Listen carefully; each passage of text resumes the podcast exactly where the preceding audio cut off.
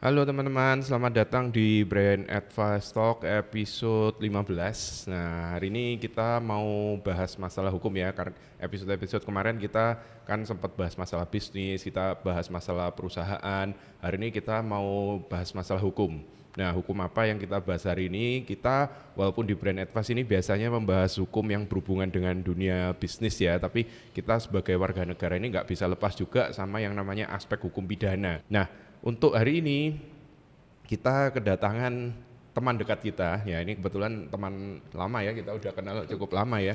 Dan kita ini teman ngobrol kita ini sering dari dulu sebelum covid pun aja kita sering kontak-kontak ngobrol dan bahkan kita pendidikan kurator nih bareng. Teman sharing teman teman sharing teman kerja teman iya kita proyek-proyek bareng teman pendidikan. Jadi kantor aja tetanggaan ya, Iya, tinggal juga. nyebrang.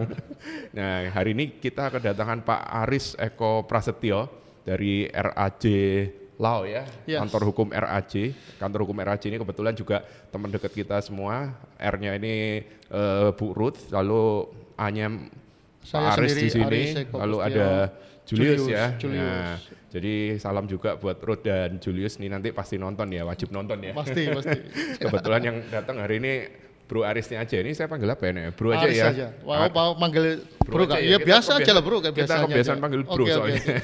Oke, mungkin bisa perkenalan sedikit Bro Aris ini eh, backgroundnya gimana, lalu eh, apa namanya di dalam dunia profesional ini bagaimana bisa diperkenalkan sedikit mungkin Bro? Oke, jadi seperti diketahui semuanya, saya praktisi hukum lawyer. Jadi saya menempuh pendidikan hukum S1, S2, juga di Bayangkara Surabaya, di Universitas Bayangkara Surabaya. Jadi background saya hukum dan praktisi, sekarang kurator dan pengurus. Kita langsung aja bahas-bahas masalah hukum pidana ya di sini. Nah, mungkin sebelum kita bahas lebih lanjut, kita mungkin jelasin dulu ya ke teman-teman di sini ya, apa sih bedanya hukum pidana sama perdata? Soalnya kadang orang tuh nggak ngerti pidana itu apa, perdata itu apa, KUHP itu apa. Mungkin Bro Aris mau jelasin dulu Bro ke teman-teman di sini. Jadi ini yang menarik. Jadi kita ketika ada klien juga ini hal yang sama yang ditanyakan. Apa sih Pak bedanya pidana dengan perdata? Kalau kita belajar hukum dari dasar awal kita pasti diajari namanya pengenalan hukum. Pengenalan hukum diklasifikasikan menjadi dua, hukum publik dan hukum privat. Privat betul. Ya, hukum privat itu hukum perdata yang mengatur antara hubungan orang dengan perorang. Kalau hukum publik adalah hukum antara orang dengan penguasa atau negara. Nah, inilah pidana masuk di hukum publik, kalau perdata masuk di hukum privat.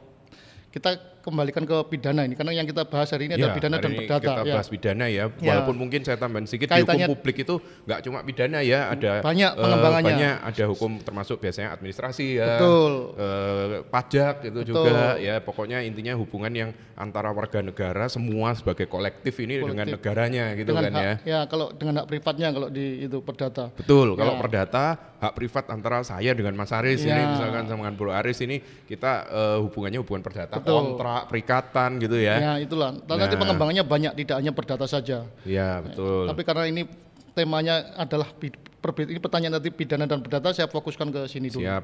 Nah, lalu eh, sekarang mungkin bisa dijelasin. Jadi gini, kalau mungkin saya ngomong dulu ya, eh, kalau kita ngomong pidana, biasanya orang tuh langsung arahnya tuh kan bahas polisi, Betul. eh, penjara gitu Betul, kan. ya. Pidana itu ada denda juga, hukuman mati, hukuman seumur Ya. hidup.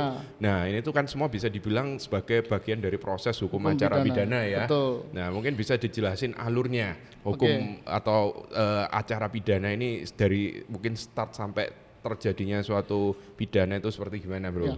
Alur hukum pidana pasti dimulai adanya pengaduan atau laporan Hmm. dari seseorang yang mengalami atau sebagai korban dari sebuah tindak pidana. Atas dasar tersebut membuat laporan atau pengaduan kepada siapa? Umumnya kepada kepolisian. Karena yang berhubungan dengan pidana kan kewenangannya ada di kepolisian.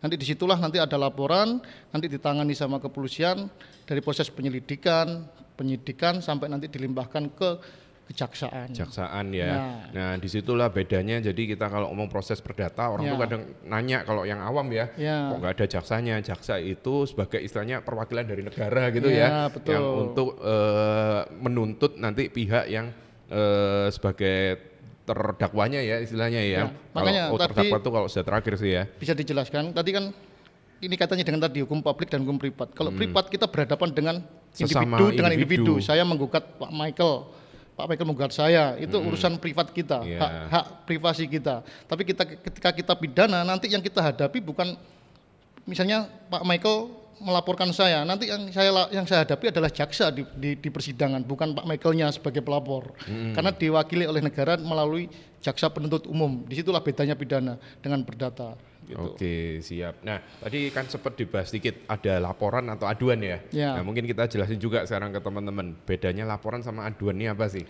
Ya, ini sebenarnya kalau kita belajar hukum kan ada namanya delik aduan, Ya, delik, delik umum, biasa gitu. ya. Ya, kalau laporan itu siapa pun boleh melaporkan. Hmm. Artinya tidak hanya si korban saja. Ketika saya ada melihat ada pembunuhan, saya bisa melaporkan ke pihak kepolisian. Ini pak ada pembunuhan. Hmm. Tapi kalau aduan sifatnya delik aduan harus ada dari orang yang bersangkutan langsung. Ya, Misalnya korbannya ya. korbannya langsung.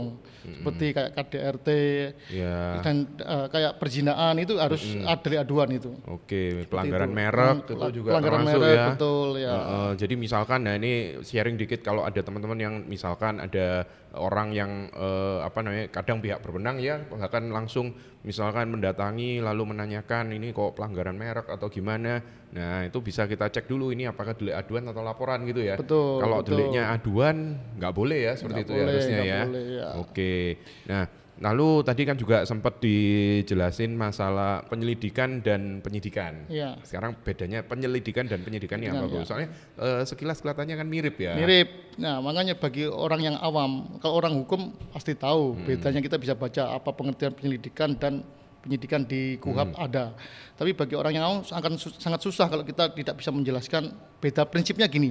Kalau penyelidikan itu serangkaian tindakan penyelidik untuk menemukan mencari bukti-bukti permulaan atas suatu, terjadinya suatu dugaan tindak pidana. Di situ baru pengumpulan bukti ini ada pidananya atau enggak, belum ada tersangkanya. Jadi paling gampangnya kalau di penyelidikan itu masih belum ada tersangka. Hmm, hmm, Nah, nanti kalau sudah di penyidikan itu sudah ada tersangkanya. hmm. Mungkin, kita kasih contoh ya, misalkan kalau ada pembunuhan gitu ya. Ya. Nah, misalkan ada mayat gitu. Ya. Ada mayat ditemukan di kamar kos misalkan. Ya. Nah, itu kan penyelidikan tuh dicari apakah Dicari. ada pidananya atau enggak gitu Ya, kan. pembu- Nah, apakah mayat ini benar-benar karena suatu tindak pidana dibunuh ataukah Ya, memang mayat ini mati ada- karena mati sendiri atau bunuh diri? Nah. Di situlah namanya rangkaian proses penyelidikan. itu dicari misalkan oh ternyata Betul. ada apa namanya si- eh, luka tusukan gitu Ya. ya mungkin atau ada memar Betul. nah di situ mungkin wah ini berarti ada gejala atau ada indikasi bahwa eh, mungkin ada tindak pidana Betul, nah ya, di situ terus masuk ke penyidikan gitu ya bro ya Ya, nanti ketika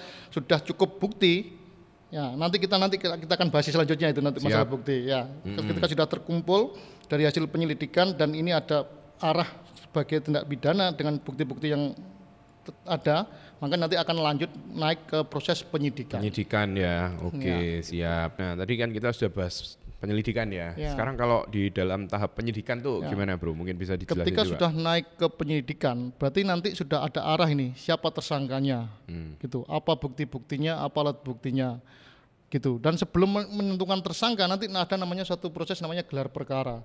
Di situlah nanti digelarkan, apakah dugaan tidak pidana yang dilaporkan atau diadukan oleh seseorang ini cukup kuat untuk naik dan dia oh, apa namanya telapornya ditetapkan sebagai tersangka. Di situlah ada proses gelar perkara. Ketika gelar perkara menentukan bukti cukup kuat dan dia sudah terlapor bisa dinaikkan statusnya sebagai tersangka, nah, nan- nanti ada, ada ada akan ada proses lagi namanya proses penyidikan ya BAP sebagai dalam tingkat sidik.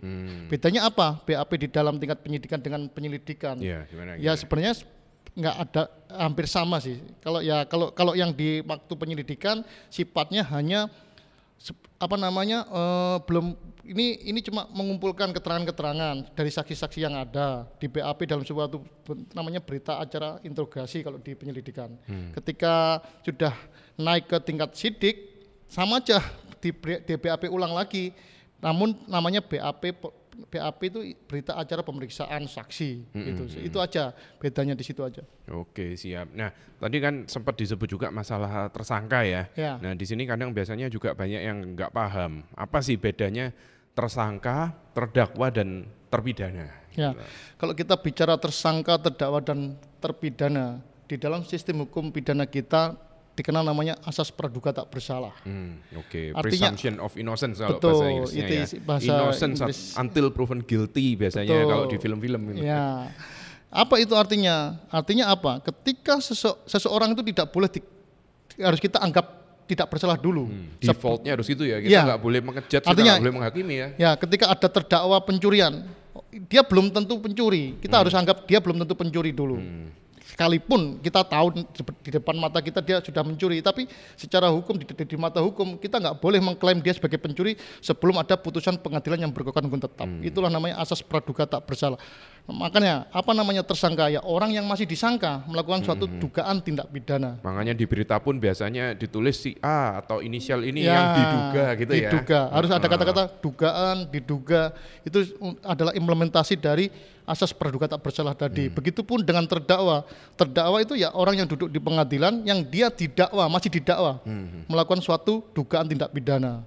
Baru nanti kalau sudah ada putusan pengadilan yang berkekuatan hukum tetap namanya terpidana. Jadi orang yang sudah dijatuhi pidana Sudah atau vonis hukum vonis pidana. ya. Betul. Oke, nah itu ya mungkin bagi teman-teman yang eh, mau belajar lebih lanjut, kita sempat sih dulu bikin postingan tulisan tentang ini ya bedanya eh, tersangka, terdakwa, terpidana. Nanti akan kita kasih linknya juga ya supaya teman-teman bisa buka langsung, bisa baca-baca lagi. Oke, nah lalu tadi kan sempat juga kita bahas waktu bahas penyelidikan, penyidikan kan kita bahas bukti ya bro ya. Bukti. Nah sekarang dalam pidana ini buktinya apa aja bro biasanya? Ya. Di pasal 184 184 ya. Satu ya, di situ kan ada namanya alat bukti. Alat bukti itu apa saja? Saksi, Saksi. Ahli, Mm-mm.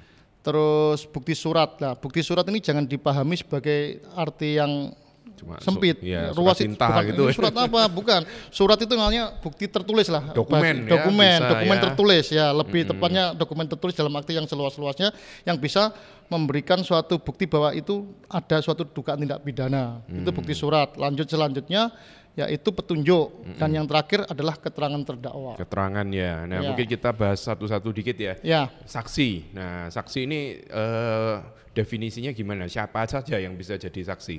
saksi itu kalau kita mengacu kepada kitab undang-undang hukum acara pidana, itu saksi adalah orang yang melihat, Hmm. mendengar dan mengalami langsung suatu su- tindak pidana itu. Nah, melihat, mengalami, mendengar, Mendengar, ya. Itu ya. poinnya ya, teman-teman ya. iya. Melihat, mengalami, mendengar. Jadi Betul. kita nggak bisa ngomong bahwa oh Katanya, katanya, nah, iya. saya baca di sini gini, saya dibilangi tetangga saya gini itu Betul. soalnya sering ya, wah saya ini saksi, soalnya saya tahu dari YouTube. Nah, Ya, itu bukan ya. Bukan. Nah, terus ada omongan juga ini bro, yang biasanya orang bingung kalau kita orang hukum udah biasa ya, dari semester 1 udah dijelasin, tapi ada istilah itu namanya unus testis, nulus testis. Nah, bahas testis, ini yang testis menarik kita. nanti yang harus dijelaskan itu Tapi banyak kita orang nggak suka testis ya lu. ini bahasanya jangan salah ini nih. Beta huruf S saja ini. Hmm, ya, apa yang disebut dengan unus testis, nulus testis. katanya sih satu testis bukan testis gitu.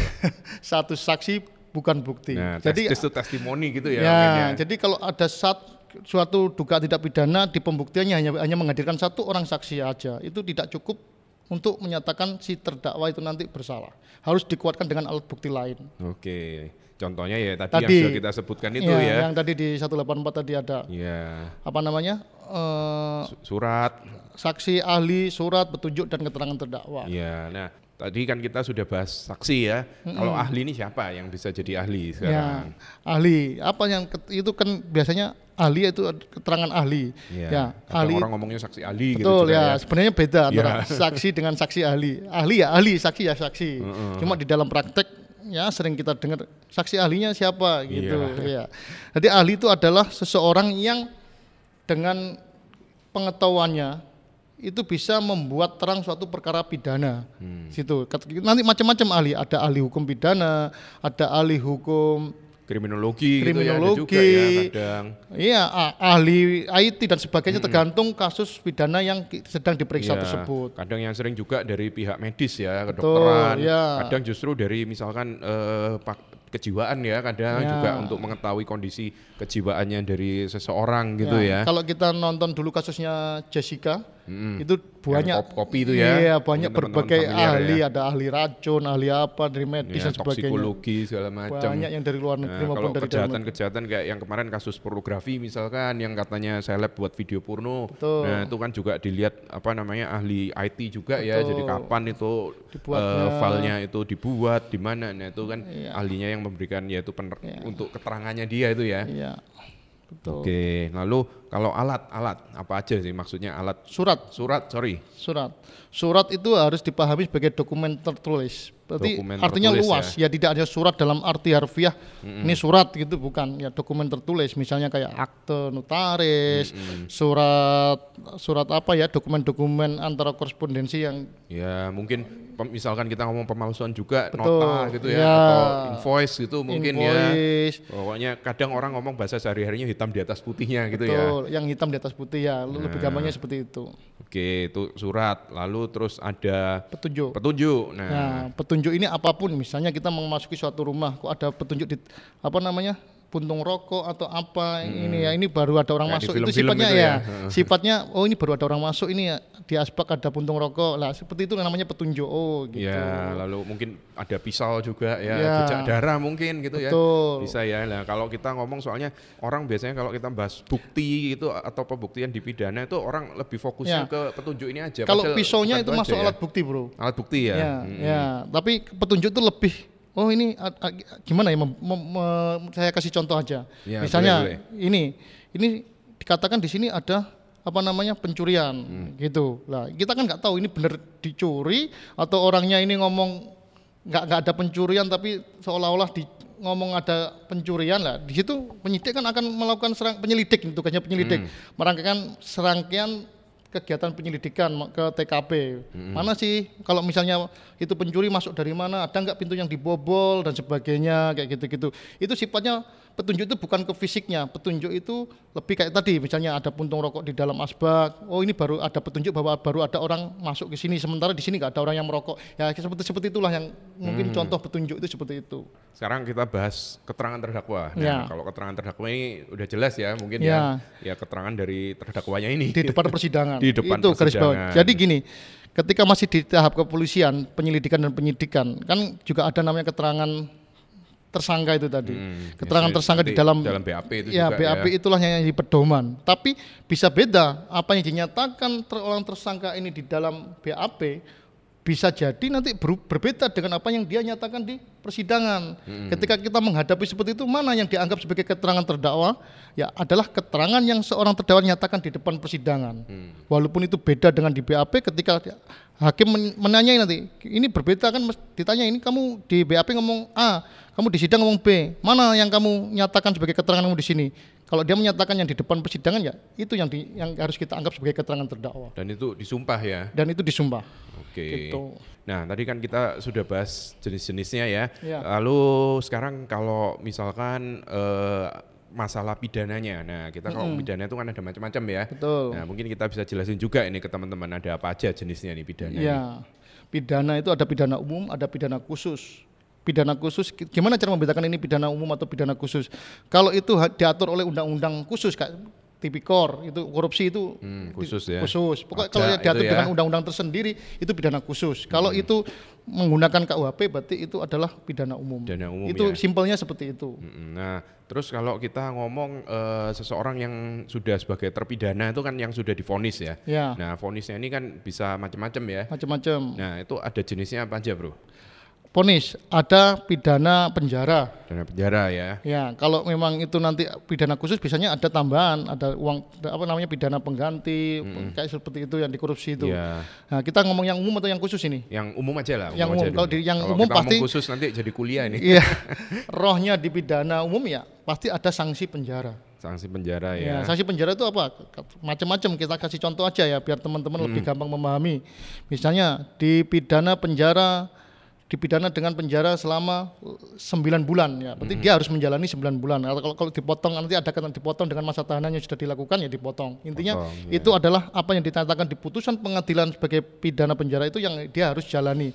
Mau dipotong atau belum intinya 9 bulan itu. Mm-mm, ada juga seumur hidup ya. Seumur Nah, hidup. seumur hidup ini mungkin kita perlu jelasin ke teman-teman karena orang tuh banyak yang salah kaprah nganggap kalau eh, pidana seumur hidup itu maksudnya sa, sa, sa- seumur hidup seumurnya hidupnya dia. Jadi misalkan kayak kita umur 20 tahun berarti kita pidananya itu 20 tahun gitu. Ya. Bukan ya, itu Bukan. salah kaprah ya. Salah kaprah. Nah, pidana seumur hidup tuh sampai dia meninggal ya. betul, betul. Itu ya teman-teman. itu. Kalau masih penasaran bisa juga cek kemarin tuh kita waktu posting ini banyak yang nanyain Ya. dasar hukumnya apa gitu. Ya ini yang mungkin memang banyak yang salah pemahaman seumur hidup. Misalnya saya melakukan tindak pidana umurnya 20, saya juga 20. Kalau saya tujuh tahun, masa saya juga tujuh tahun? Nah. Enggak, enggak seperti itu. Nggak seperti itu ya. Enggak seperti itu. Oke, terus denda. Nah, kita kalau bahas denda ini juga banyak yang bingung. Kita kalau post misalkan tentang eh, apa pencemaran nama baik yang dari KUHP gitu, Iya. kan ada denda cuma berapa 4.500 Iya. berapa. Nah, kadang orang wah ternyata enak ya di Indonesia Iya. ya dendanya kok kecil. Nah, itu sudah ada penyesuaian ya ini yang mungkin Sebenarnya perlu kita jelaskan ke teman-teman ya. Kita lupa dasar aturannya ingat nggak, Bro? Dari kalau nggak salah eh, SEMA ya, SEMA atau keputusan Mahkamah Agung. ya? Sema cuma nomor, nomor Ya, nomornya lupa Kita dari kasih ya di sini nanti biar dikeluarin ya nomornya ini bisa dicek, oke? Nah itu penyesuaiannya dikalikan seribu ya. Betul. Jadi kalau dulu cuma seribu ya, berarti mungkin sekarang satu juta. Jadi satu juta, Iya. makanya mungkin lebih banyak yang diarahkan tuh ke penjaranya ya. Iya. Justru kalau kita lihat dari case-case yang ada itu eh, biasanya kan pidana eh, penjara atau denda berapa? Ya. Nah biasanya dan dan atau bisa dan, dan bisa atau ya bisa dan atau. Nah biasanya tapi lebih sering diberikan yang penjaranya saya rasa ya. Ya karena KUHP kita itu kan apa namanya produk Produk lama ya. produk lama peninggalan waktu jadi Belanda Nah. gitu ya. Jadi itu sudah tahun berapa ya? Sudah tahun Lama, dari- sudah lama diadopsi Iya. tahun waktu jadi zaman kolonial gitu. Artinya dan dibentuknya kan tahun 8 berapa itu? 81 atau berapa itu? Kalau KUHP-nya Iya. 81. Iya, saya Ya, lupa. Nanti kita sudah. keluarin aja di Ya, sini. Artinya nilai uang yang tercantum pada saat pembuatan KUHP atau KUHP itu di KUHP itu sudah tidak sesuai dengan nilai uang yang sekarang. Iya, Makanya tapi yang ditekankan yang inflasi, dilihat jangan uangnya. Loh kok cuma seribu rupiah? Yang kita lihat adalah penjaranya karena memang titik titik poinnya di pidana adalah sanksi penjara. Nah, terus mungkin yang perlu kita jelasin lagi kalau ada yang kena pidana dendanya itu siapa yang terima? Itu soalnya orang kadang wah kita nanti terima duitnya enggak ya. kalau pidana duitnya masuk ke negara. ya. Negara. Jadi jangan berarti terus kita lihat KUHP, oke kita laporin eh, apa penipuan nanti kita dapat duitnya gitu. Enggak, Enggak, ya. bukan. Itu salah kaprah. Nanti kita lebih jelasnya kita bahas waktu kita bahas case ya. Ya, Nah, terus eh, masalah penjara ini juga sering ditanyain. Betul. Kalau penjara gitu yang nanggung biayanya siapa? penjara yang nanggung biayanya maksudnya? Eh, yang pembiayaan hidupnya si terpidana ini waktu selama di penjara itu siapa? Ya negara, melalui Negara. lapas. Itu tanggung jawabnya lapas. Jadi kalau apa namanya lapas eh, semakin semakin penuh, ya, ya, bebannya beban negara beban juga. negara ya. Nah makanya sekarang ini salah satunya untuk mengantisipasi itu pemerintah itu lagi menggalakkan yang namanya restoratif justice Betul, ya. iya. Nah mungkin bisa dijelasin bro, restoratif justice ini apa bro? Restoratif justice yaitu penyelesaian perkara pidana dengan mengedepankan keadilan restoratif justice artinya gini. Kita kita kita ke contoh aja bro ya. Ya, Jadi contoh aja. artinya pidana itu tidak serta merta harus pidananya dulu kalau itu bisa diselesaikan secara apa namanya?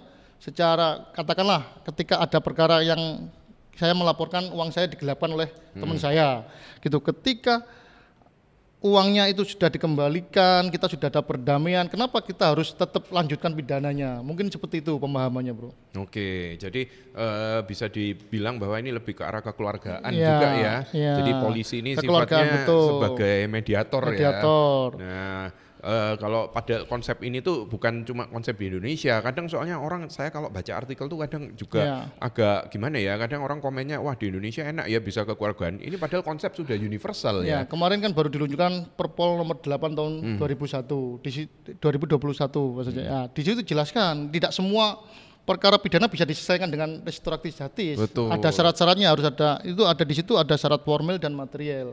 Formilnya apa? Satu, tindak pidana itu tidak menimbulkan keresahan atau penolakan dari masyarakat.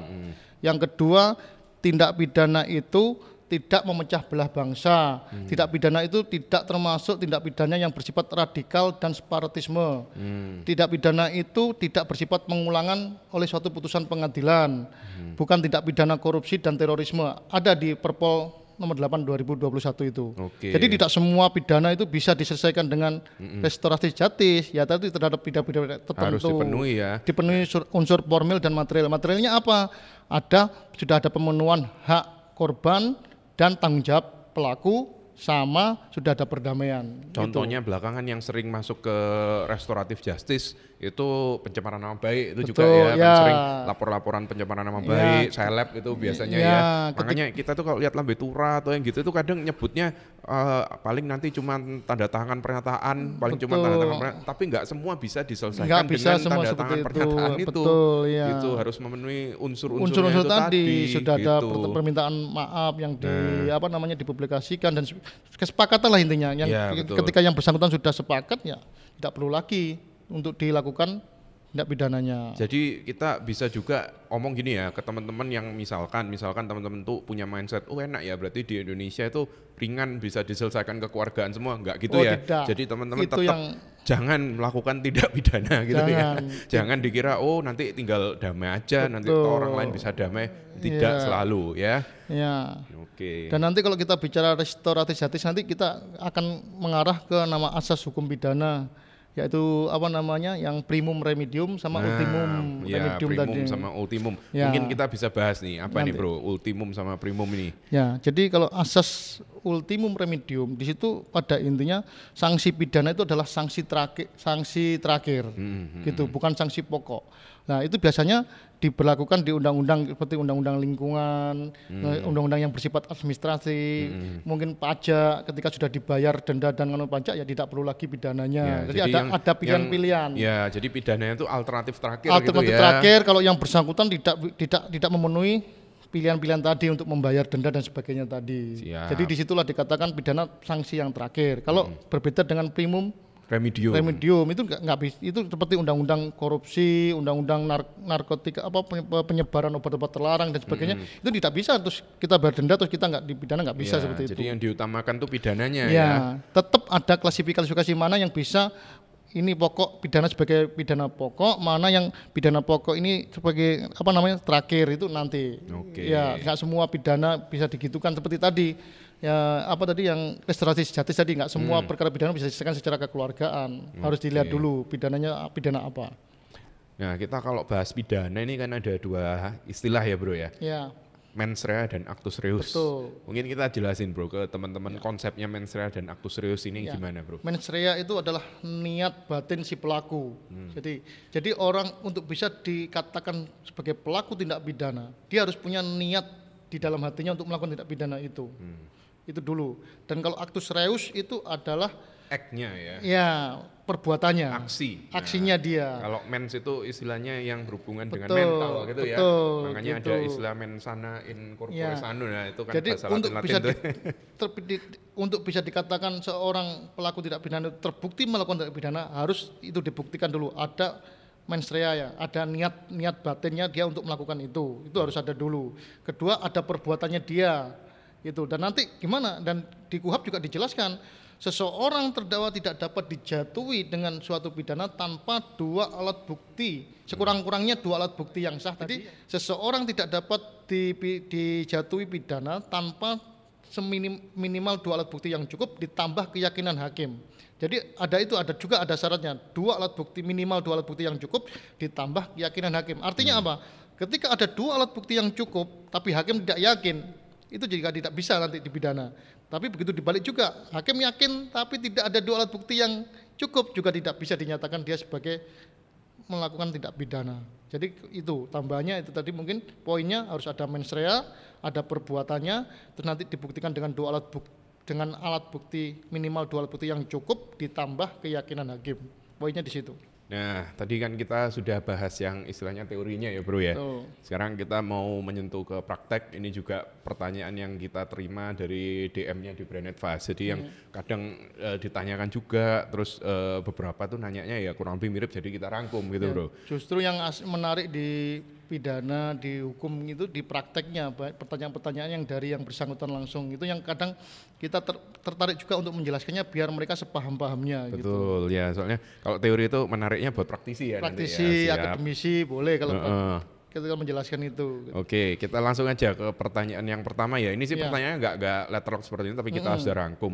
Jadi banyak yang sering nanyain dari ke kita itu kalau misalkan ada panggilan dari pihak yang berwenang dari polisi. Nah, baik itu sebagai saksi, kita nanti bahas dua aja ya. Jadi sebagai saksi dan sebagai tersangka gitu. Iya. Bagaimana sih itu tips-tipsnya? Karena kita kalau istilahnya dapat surat panggilan polisi atau langsung didatengin sama pihak berwenang itu kan langsung duluan. shock ya, Shock langsung duluan. takut gitu ya. Ya. Nah, mungkin bisa jelasin bro, kiat-kiatnya gimana? Jadi gini, sebagai kita kiat-kiatnya dulu ya. Jadi kalau kita menerima panggilan, kita harus ingat tadi asas praduga tak bersalah. Ya. Kita ini bu- bukan orang yang sudah pasti bersalah, gitu loh. Itu cuma klarifikasi, permintaan keterangan dalam rangka memeriksa aduan atau laporan dari seseorang. Artinya Ya. kita jangan merasa bersalah dulu. Gitu kita harus kita juga harus oh ini panggilan. Kita sebagai warga negara yang baik tentu saya akan nyarani untuk dihadiri sepanjang kita bisa dan tidak terhalang oleh yang lain. Tapi kalau terpaksa kita tidak bisa, alangkah baiknya kalau menurut saya kita bikin apa namanya eh, permohonan penundaan dan kita sampaikan alasan kita tidak bisa menghadiri hari ini gitu. Hmm, alasannya itu biasanya apa bro? Bisa biasanya kan banyak kalau kita bekerja misalnya kita sudah ada jadwal dan tugas keluar kota pada tanggal Ya. yang di di, tang- di apa di undangan pemeriksaan itu kita sampaikan dan itu teman-teman penyidik penyidik memahami kok. gitu. Ya, dan atau kita sakit ya, daripada medis kita ya. ya. atau ya sakit dengan surat dokter itu Hmm, juga jangan bisa. cuma bilang lagi sakit gitu ya. Nah, Harus jadi kita tunjukkan itikat, ya. itikat baik kita, jangan dipanggil. Ah ini masih yang pertama, nanti yang kedua ya itu hak juga sih gitu. Pasti nanti ada panggilan kedua, panggilan ketiga. Cuma kalau kita sebagai warga negara yang baik ya sepanjang kita tidak berhalangan ya kita hadiri saja.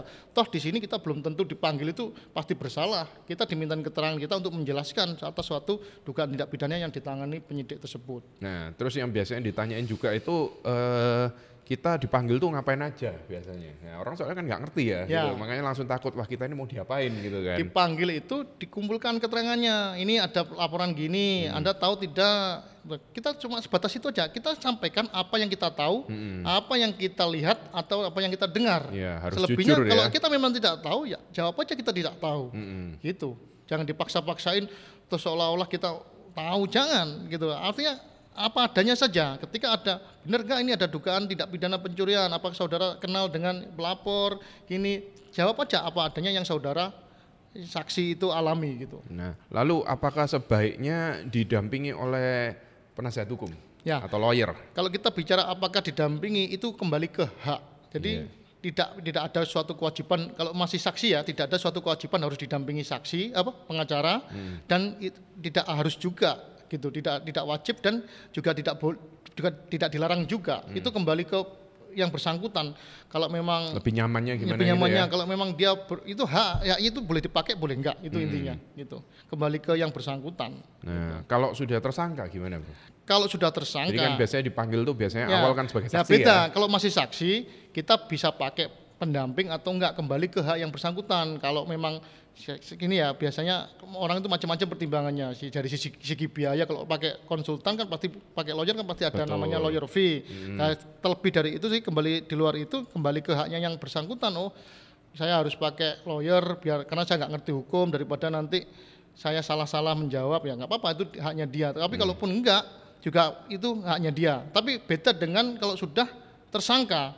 Tersangka kalau itu ancaman pidananya di atas lima tahun, KUHAP men- apa namanya mewajibkan dia untuk didampingi oleh pengacara. Hmm. Dan itu wajib. Bahkan ketika yang bersangkutan tidak punya apa namanya biaya untuk membayar pengacara, penyidik itu apa namanya menyediakan advokat Ya. pendampingnya. Istilahnya pro bono ya Pro bono biasanya. betul. Nah, jadi Karena wajib itu. oke. Kalau sudah ancamannya lima tahun ke atas. lima tahun ya patokannya ya. Aturannya. Oke. Eh, nah, terus biasanya yang orang takut lagi itu apakah ada penahanan gitu? Ya, ya. Kalau kita bicara penahanan itu kita lihat dulu tindak pidananya kan tidak tidak semua tindak pidana itu mengharuskan ditahan. Ada yang memang kalau ancam apa namanya ancamannya kurang dari lima tahun dan tidak dikus, dikecualikan di kuhap itu ada yang tidak ditahan. Gitu. Tapi ada juga eh, dan kembali lagi sekalipun itu lima tahun ke atas dan ditahan kembali kewenangan ke penyidik. Dan Karena juga si- alasannya ya bro ya, ada ada harus alasan menyebutkan subjektif alasan itu. yang jelas ya. Ya, jadi penyidik pun sebenarnya punya punya alasan harus punya alasan subjektif untuk melakukan penahanan atau enggak. Biasanya apa yang menjadi dasar pen- penyidik untuk menahan? Satu, pasti dia harus lima tahun ke atas hukumannya Hmm. itu, gitu loh. Dan tidak dikhususkan oleh itu di pasal 21 KUHAP atau berapa itu ya yang ada tindak pidana walaupun lima, di bawah lima tahun tapi Hmm. bisa ditahan kayak dulu 335 kayak gitu-gitu walaupun ancamannya kurang dari lima tahun tapi bisa ditahan Hmm. tapi kalau kita bicara lagi alasan penyidik umumnya ya dia harus punya alasan subjektifnya tadi satu Subjektif. dikhawatirkan dia melarikan diri Hmm. dikhawatirkan dia menghilangkan barang bukti dikhawatirkan dia Mengulang mengulangi ya. tindak pidana itu prinsipnya sebenarnya jadi Iya. ketika tiga hal itu dirasa penyidik ada pada diri tertangka ya penyidik akan menahan Dan itu alternatif ya, salah Alternatif. satu aja. Kembali ke di- kewenangan penyidik. Iya, kewenangan juga ya. Iya. Oke, jadi bukan berarti kalau kita tuh didatengin pihak yang berwenang atau dapat surat dari pihak yang berwenang tuh kita pasti ditahan. Karena orang soalnya kan takut Iya. apa, kita ini bakal ditahan. Nggak selalu juga. Makanya kalau supaya lebih yakin, supaya nggak ragu-ragu ya, mungkin walaupun ini cuma hak, tapi sebaiknya juga pakai Iya. eh, di pendampingan ya Pendampingan. dari advokat atau dari lawyer gitu ya, bro Karena ya. semua ada prosedurnya penahanan dan sebagainya itu tidak langsung serta merta ditahan kecuali tindak pidana tangkap tangan gitu. Apalagi kalau sifatnya cuma aduan gini kan perlu klarifikasi dulu bener enggak dan sebagainya. Mungkin bisa dijelasin bro, apa ini tangkap tangan bro? Orang mungkin ngertinya istilahnya tangkap basah ya. Ya, ditangkap Tapi basah. istilah resminya itu tertangkap tangan. OTT Iya. itu ya biasanya ya. Tangkap basah padahal nggak basah kok ditangkap basah itu juga iya. ya nggak apa-apa lah itu. tangan padahal juga nggak pakai tangan. nggak ya pakai tangan nangkapnya. Jadi gini, tangkap tangan itu ketika suatu tindak pidana langsung terjadi, ketika Hmm. masih terjadi, kata- katakanlah ada suatu tindak pidana perkelahian penganiayaan. Hmm. Ketika ada orang melihat dan ada polisi mungkin yang datang di situ, langsung dit- ditangkap saat kejadian itu gitu, langsung berlang- lagi berlangsung. Itu namanya tangkap tangan. Oke, itu ya. Misalnya kalau kita sering dengar KPK OTT itu Ya. juga itu tangkap tangan ketika lagi transaksi Mm, gitu. OTT itu ya istilahnya operasi Iya. tangkap tangan ya. Operasi tangkap tangan. Oke, siap. Nah, ini kita ada pertanyaan lagi bro. Eh, terkait bukti. Bukti ya. Bukti ini apakah bisa diminta kembali? Nah ini mungkin kita kasih contoh ya. Soalnya kadang tuh misalkan, Betul. misalkan mobil kita dicuri ya. Iya. Nah mobil kita dicuri, lalu kita sudah lapor ke pihak yang berwenang, lalu sudah eh, ketahuan di mana pelakunya, Iya. barangnya sudah kelihatan, kan Ada. biasanya diamankan ya. Diamankan dulu. Nah pertanyaannya mobilnya ini mobilnya korban ini balik nggak ini ke korban gitu bro? Baik, ini pertanyaan yang menarik juga, mungkin banyak yang masih bingung juga. Hmm. Jadi kembali ke bukti tadi, alat bukti itu ya sesuatu barang yang digunakan untuk membuktikan adanya tindak pidana. Hmm. Tadi seperti yang dicontohkan, kalau kita misalnya ada pembunuhan, terus yang dipakai mobilnya seseorang yang tidak terlibat di luar situ, tapi dipakai dalam rangka perjalanan membunuh, Oh, terus iya. itu kan ditemukan dalam terus di situ ada sebagai barang bukti gimana? Apakah itu mobil saya nggak dikembalikan? Ya Nah, mobilnya nanti- misalkan dia cuma sewa gitu ya. Iya, apa, apalagi itu mobil rental. Terus gimana nih barang buktinya ini mobil saya jadi barang bukti ini kembali atau enggak kan orang banyak yang bertanya-tanya. Tentu nanti di dalam suatu putusan itu pasti ada, Bro. Jadi ketika menyatakan terdakwa bersalah melakukan tindak pidana dan sebagainya di, di bawah itu mengembalikan barang bukti kepada yang berhak. Artinya kalau memang itu barang bukti itu diambil dari yang orang yang berhak yang tidak terlibat di situ ya akan dikembalikan. Hmm, gitu. Oke. Nah, tapi tidak semua barang bukti dikembalikan juga. Ada barang bukti yang disita dan di, di apa namanya Dihancurkan, dimusnahkan, ya. dimusnahkan. Jadi mungkin teman-teman kalau pas lihat berita Ya, di TV ya, kadang ya. ada penghancuran miras, penghancuran apa aja itu narkoba ya. Betul, ada Nah. pemusnahan barang bukti. Apa sih pemusnahan barang bukti ya? Pemusnahan barang bukti yang itu melanggar undang-undang. Seperti apa? Minuman keras, Hmm. narkoba dan sebagainya itu kalau barang bukti disita harus dimusnahkan. Tidak Oke. di- tidak dikembalikan lagi kepada yang berhak. Jadi harus dibedakan gitu. Jadi di situ yang dipahami mana barang bukti yang akan dikembalikan dan mana barang bukti yang akan dihancurkan, dimusnahkan oleh negara. Gitu. Kira-kira bisa dipahami lah itu. Nah, ini kita bahas yang eh, pertanyaan berikutnya, Bro. Mm-mm. Masalah penagihan hutang. Nah, mungkin ini di era Ya. Covid ini ya banyak sekali Ya. orang yang eh, punya piutang, tertunggak. Ya. Nah, kalau penagihan hutang ini biasanya ada istilahnya dua rezim ya. Ya. ada yang bilang oh penagihan hutang kita laporkan aja karena ini penipuan pidana Nah, ada yang bilang kalau nagih utang ya itu kan urusan eh, perdata ya karena urusan transaksi hukum privat Ya. itu tadi ya. Jadi harus secara perdata. Nah, ini mungkin kita jelasin Bro ke teman-teman cara penagihan utangnya gimana, Bro? Ini pertanyaan menarik dan sering saya alami kepada klien-klien saya yang bertanya seperti ini. Bukan hanya klien saya, mungkin orang, oh mungkin teman-teman di luar sana juga paling masih bingung antara one prestasi, ingkar janji Ya, dengan penipuan. istilahnya one prestasi Iya, ya. Kembali tadi yang seperti kita jelaskan pidana dan perdata. Tadi kan sudah kita jelaskan dari atas pidana perdata. Sekarang kita ke lebih yang prinsip. Hmm. Apa sih bedanya ini? Ini ini utang ini masuk perdata atau pidana kayak Hmm. gitu. Ketika orang nggak bayar utang ini pidana atau perdata. Nah, ini yang harus kita telaah membutuhkan apa namanya penjelasan di sini, pemahaman.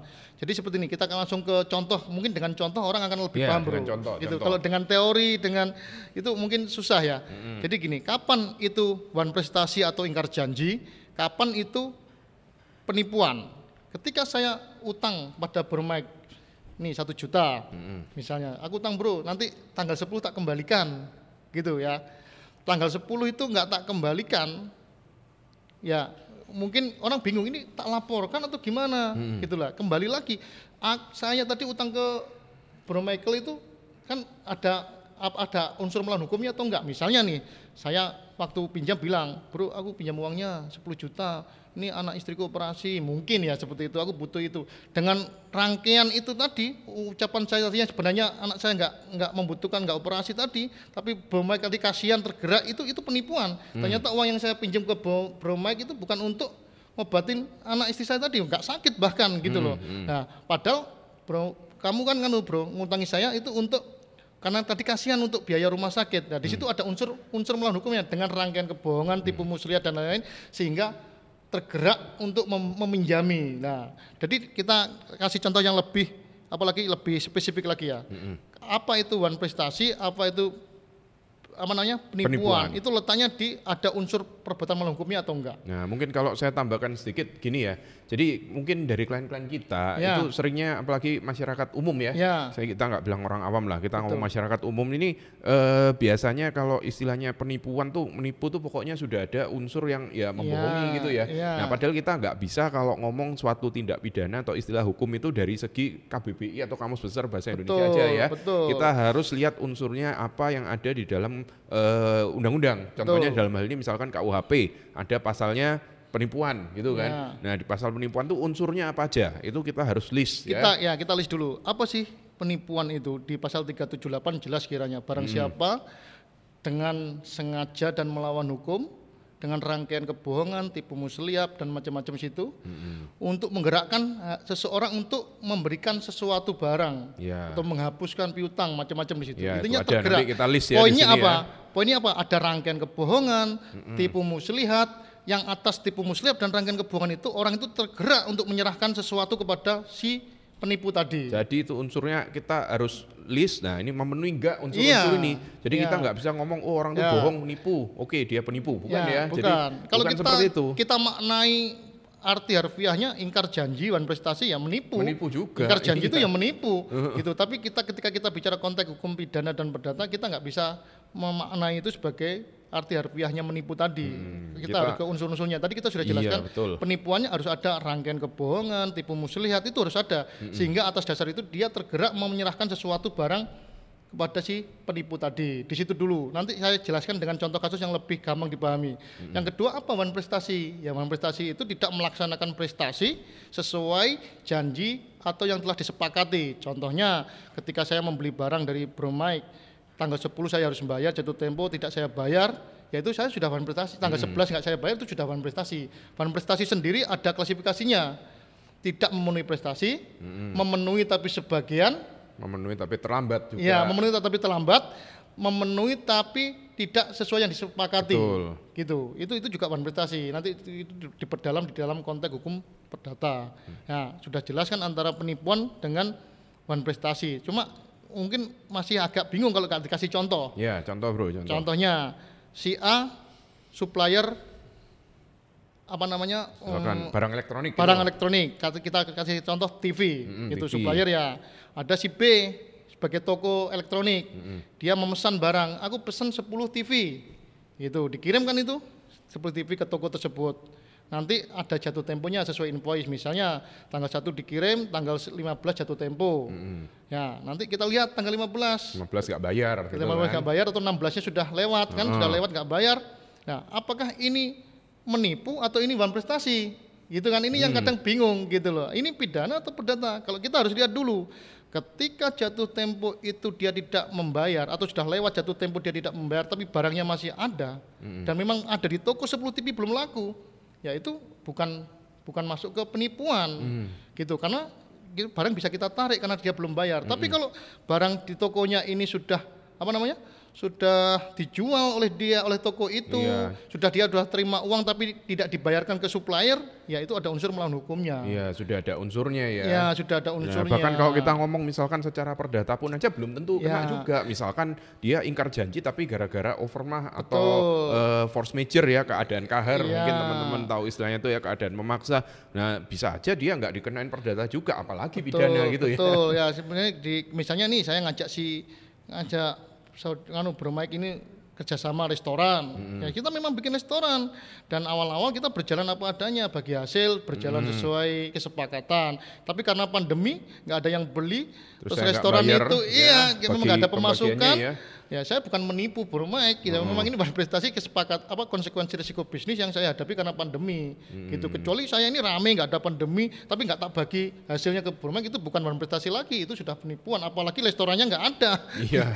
gitu. Heeh, Letaknya di situ. Jadi kita harus nggak bisa eh, jawab pertanyaan ini kalau ini A ini B ya kita harus lihat dulu, Lihat kita harus dulu. telusuri unsur-unsurnya. Dari Iya. situ kita baru bisa simpulkan ini jalan yang terbaik bagaimana. Ya gitu mungkin ini bro yang perlu saya tambahkan. Kan ketika kita laporan polisi banyak, oh ini nggak bisa diterima, ini perdata, gitu loh. Oh ini jual beli pak, ini perdata. Kita nggak bisa sebenarnya menentukan, oh jual beli ini perdata. Semua hubungan hukum itu berawal dari hukuman hubungan perdata, jual beli, sewa menyewa, kerjasama dan macam-macam itu kita dari perdata timbulnya. Tapi jangan salah, ketika saya jual beli dengan si B, misalnya nih saya sudah kasih uang ke si B untuk beli mobil. Dia ngaku katanya punya showroom.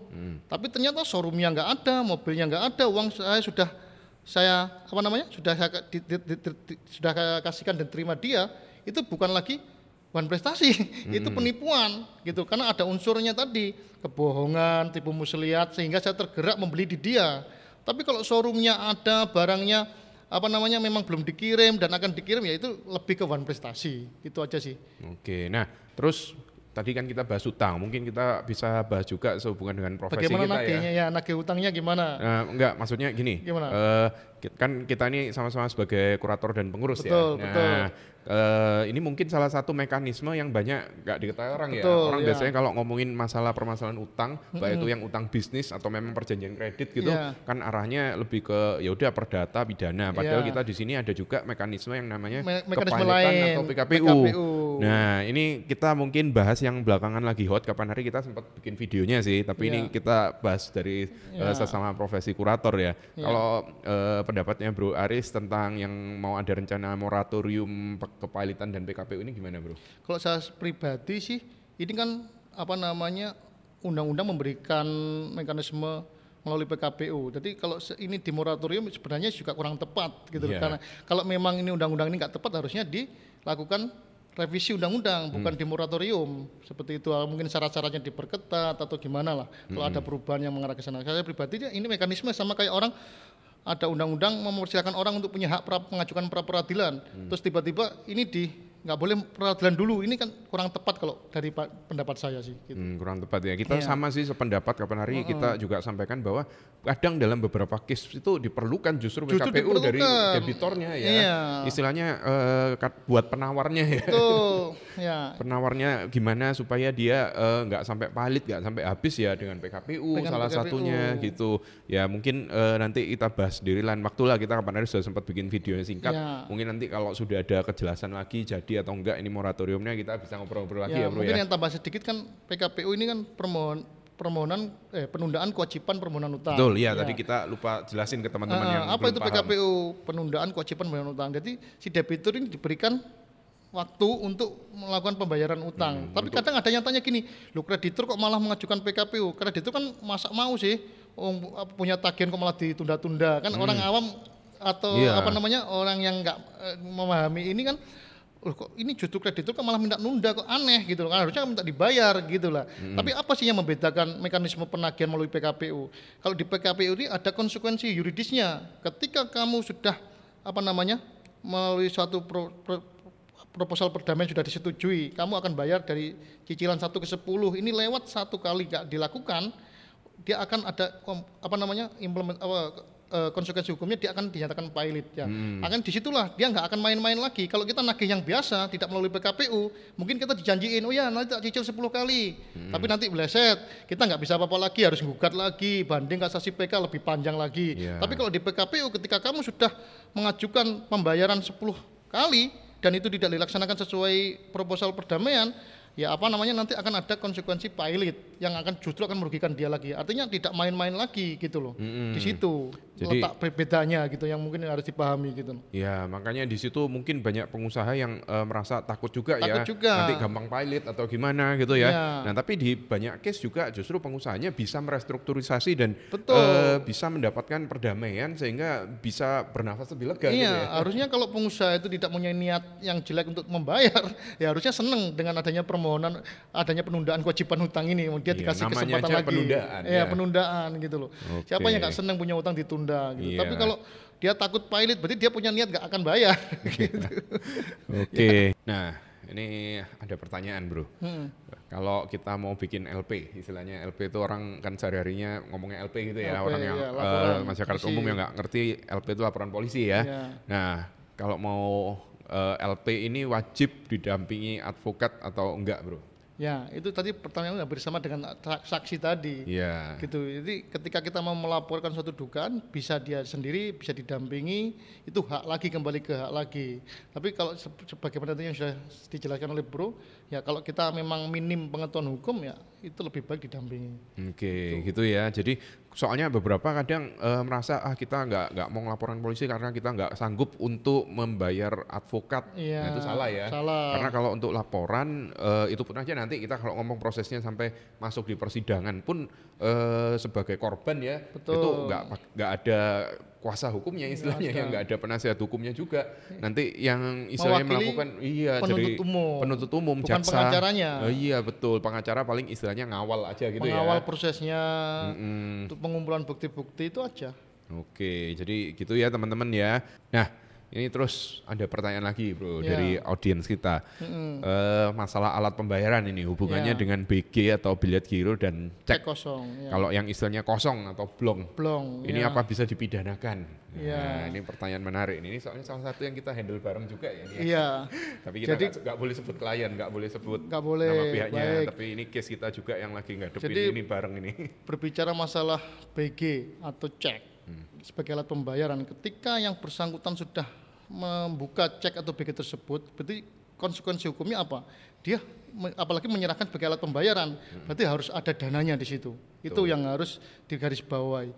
Ketika kita memberikan BG atau cek kepada pihak lain sebagai alat pembayaran tetapi di dalamnya tidak ada dana yang sesuai yang kita buka tadi jelas di situ ada unsur perbuatan melawan hukumnya penipuannya seperti itu dan itu bisa dipidana Bisa dipidana Ya, ya. kadang ada orang yang oh ini BG nggak bisa dipidana itu perdata itu juga kadang pemahaman yang kurang tepat Oke, nah tapi ini mungkin ada pendapat lain juga. Saya pernah dengar seperti ini, bro. Jadi eh, BG dan cek ini kan sebagai instrumen pembayaran ya Betul.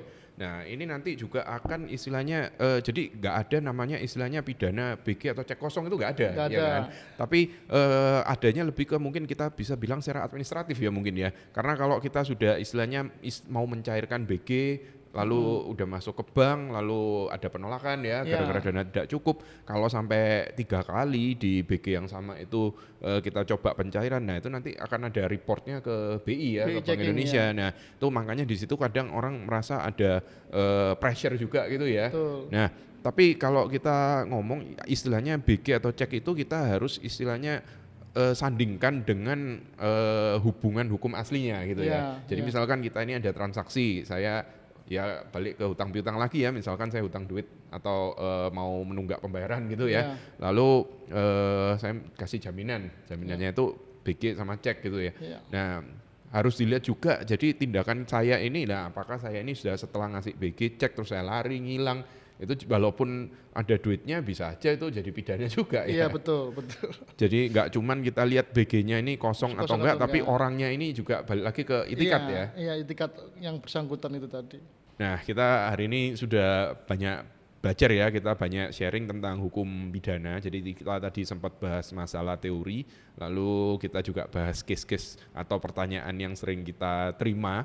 Nah, eh, mungkin bagi teman-teman yang ada pertanyaan lebih lanjut, nggak masalah, komen aja di bawah atau kirim DM ke kita. Nanti bisa kita bikin episode lain ya, nanti Betul, kita bahas ya. case-case lagi nggak masalah. Yang banyak kirim pertanyaan ke kita, kita lebih seneng nggak usah mikirin pertanyaan bro ya, tinggal jawab ya. Iya. Nah, dan konsultasinya kalau by ini kita bikin podcast kan gratis buat teman-teman. Oke. Nah, sebelum kita akhiri episode kali ini, mungkin kita minta closing statementnya dulu, pesan-pesan dari Bro Aris buat audiens di sini.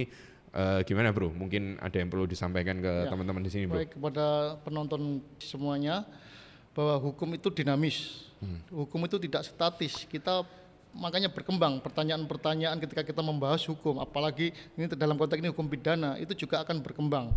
Dan ketika kita membahas hukum, kalau memang kita tidak mengerti, kita harus meminta konseling kepada konsultasi kepada yang memahaminya. Jadi undang-undang itu semua dibuat dengan hak-hak tadi seperti seorang saksi berhak didampingi, seorang tersangka juga mempunyai hak didampingi pengacara. Gunakan maksimal hak-hak itu yang ada semaksimal mungkin agar kita mendapatkan suatu yang terbaik buat kita semua. Oke, gitu ya teman-teman ya. Jadi jangan cuma nganggap hukum itu sebagai istilahnya eh, kewajiban-kewajiban gitu aja ya, tapi hak-hak kita juga diatur di situ. Kita bisa manfaatkan semaksimal mungkin. Kalau teman-teman ada yang merasa ragu-ragu, kurang paham, jangan berasumsi, jangan cuma nganggap eh, oh berarti gini, oh berarti katanya gini ya. Iya. Bisa belajar dari berbagai sumber ya, bisa membaca di Betul. Google kan sekarang gampang ya. Banyak. Bisa dari akun-akun Instagram ya, contohnya kayak Brand Advice ini ya, jangan lupa subscribe, like, dan juga komen ya pertanyaan-pertanyaan. Nanti nggak apa-apa, kita akan sharing lagi. Jangan lupa follow juga.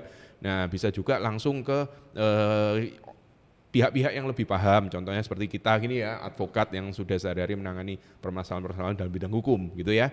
Oke, mungkin sekian dulu untuk episode 15 kali ini dengan tema hukum pidana ya. Terima kasih Bro Aris Sama-sama. atas waktunya. Kita Sama-sama. sudah repotin di hari Jumat ini. Enggak lah. ya nanti kita kapan-kapan ngobrol-ngobrol lagi. Kita Ya, ini soalnya seringnya hati, Bro. kita ini seringnya ngobrol tapi nggak terekam. Bedanya Ya. ini kali ini kita ngobrol tapi Betul. direkam gitu Ya, aja ya. ini Kita nggak terekam banyak. ya. Iya, Kalau nah. bisa bermanfaat bagi teman-teman, Iya. kita lebih senang. gitu. Iya gitu ya. Jadi sampai jumpa, sehat selalu, oke?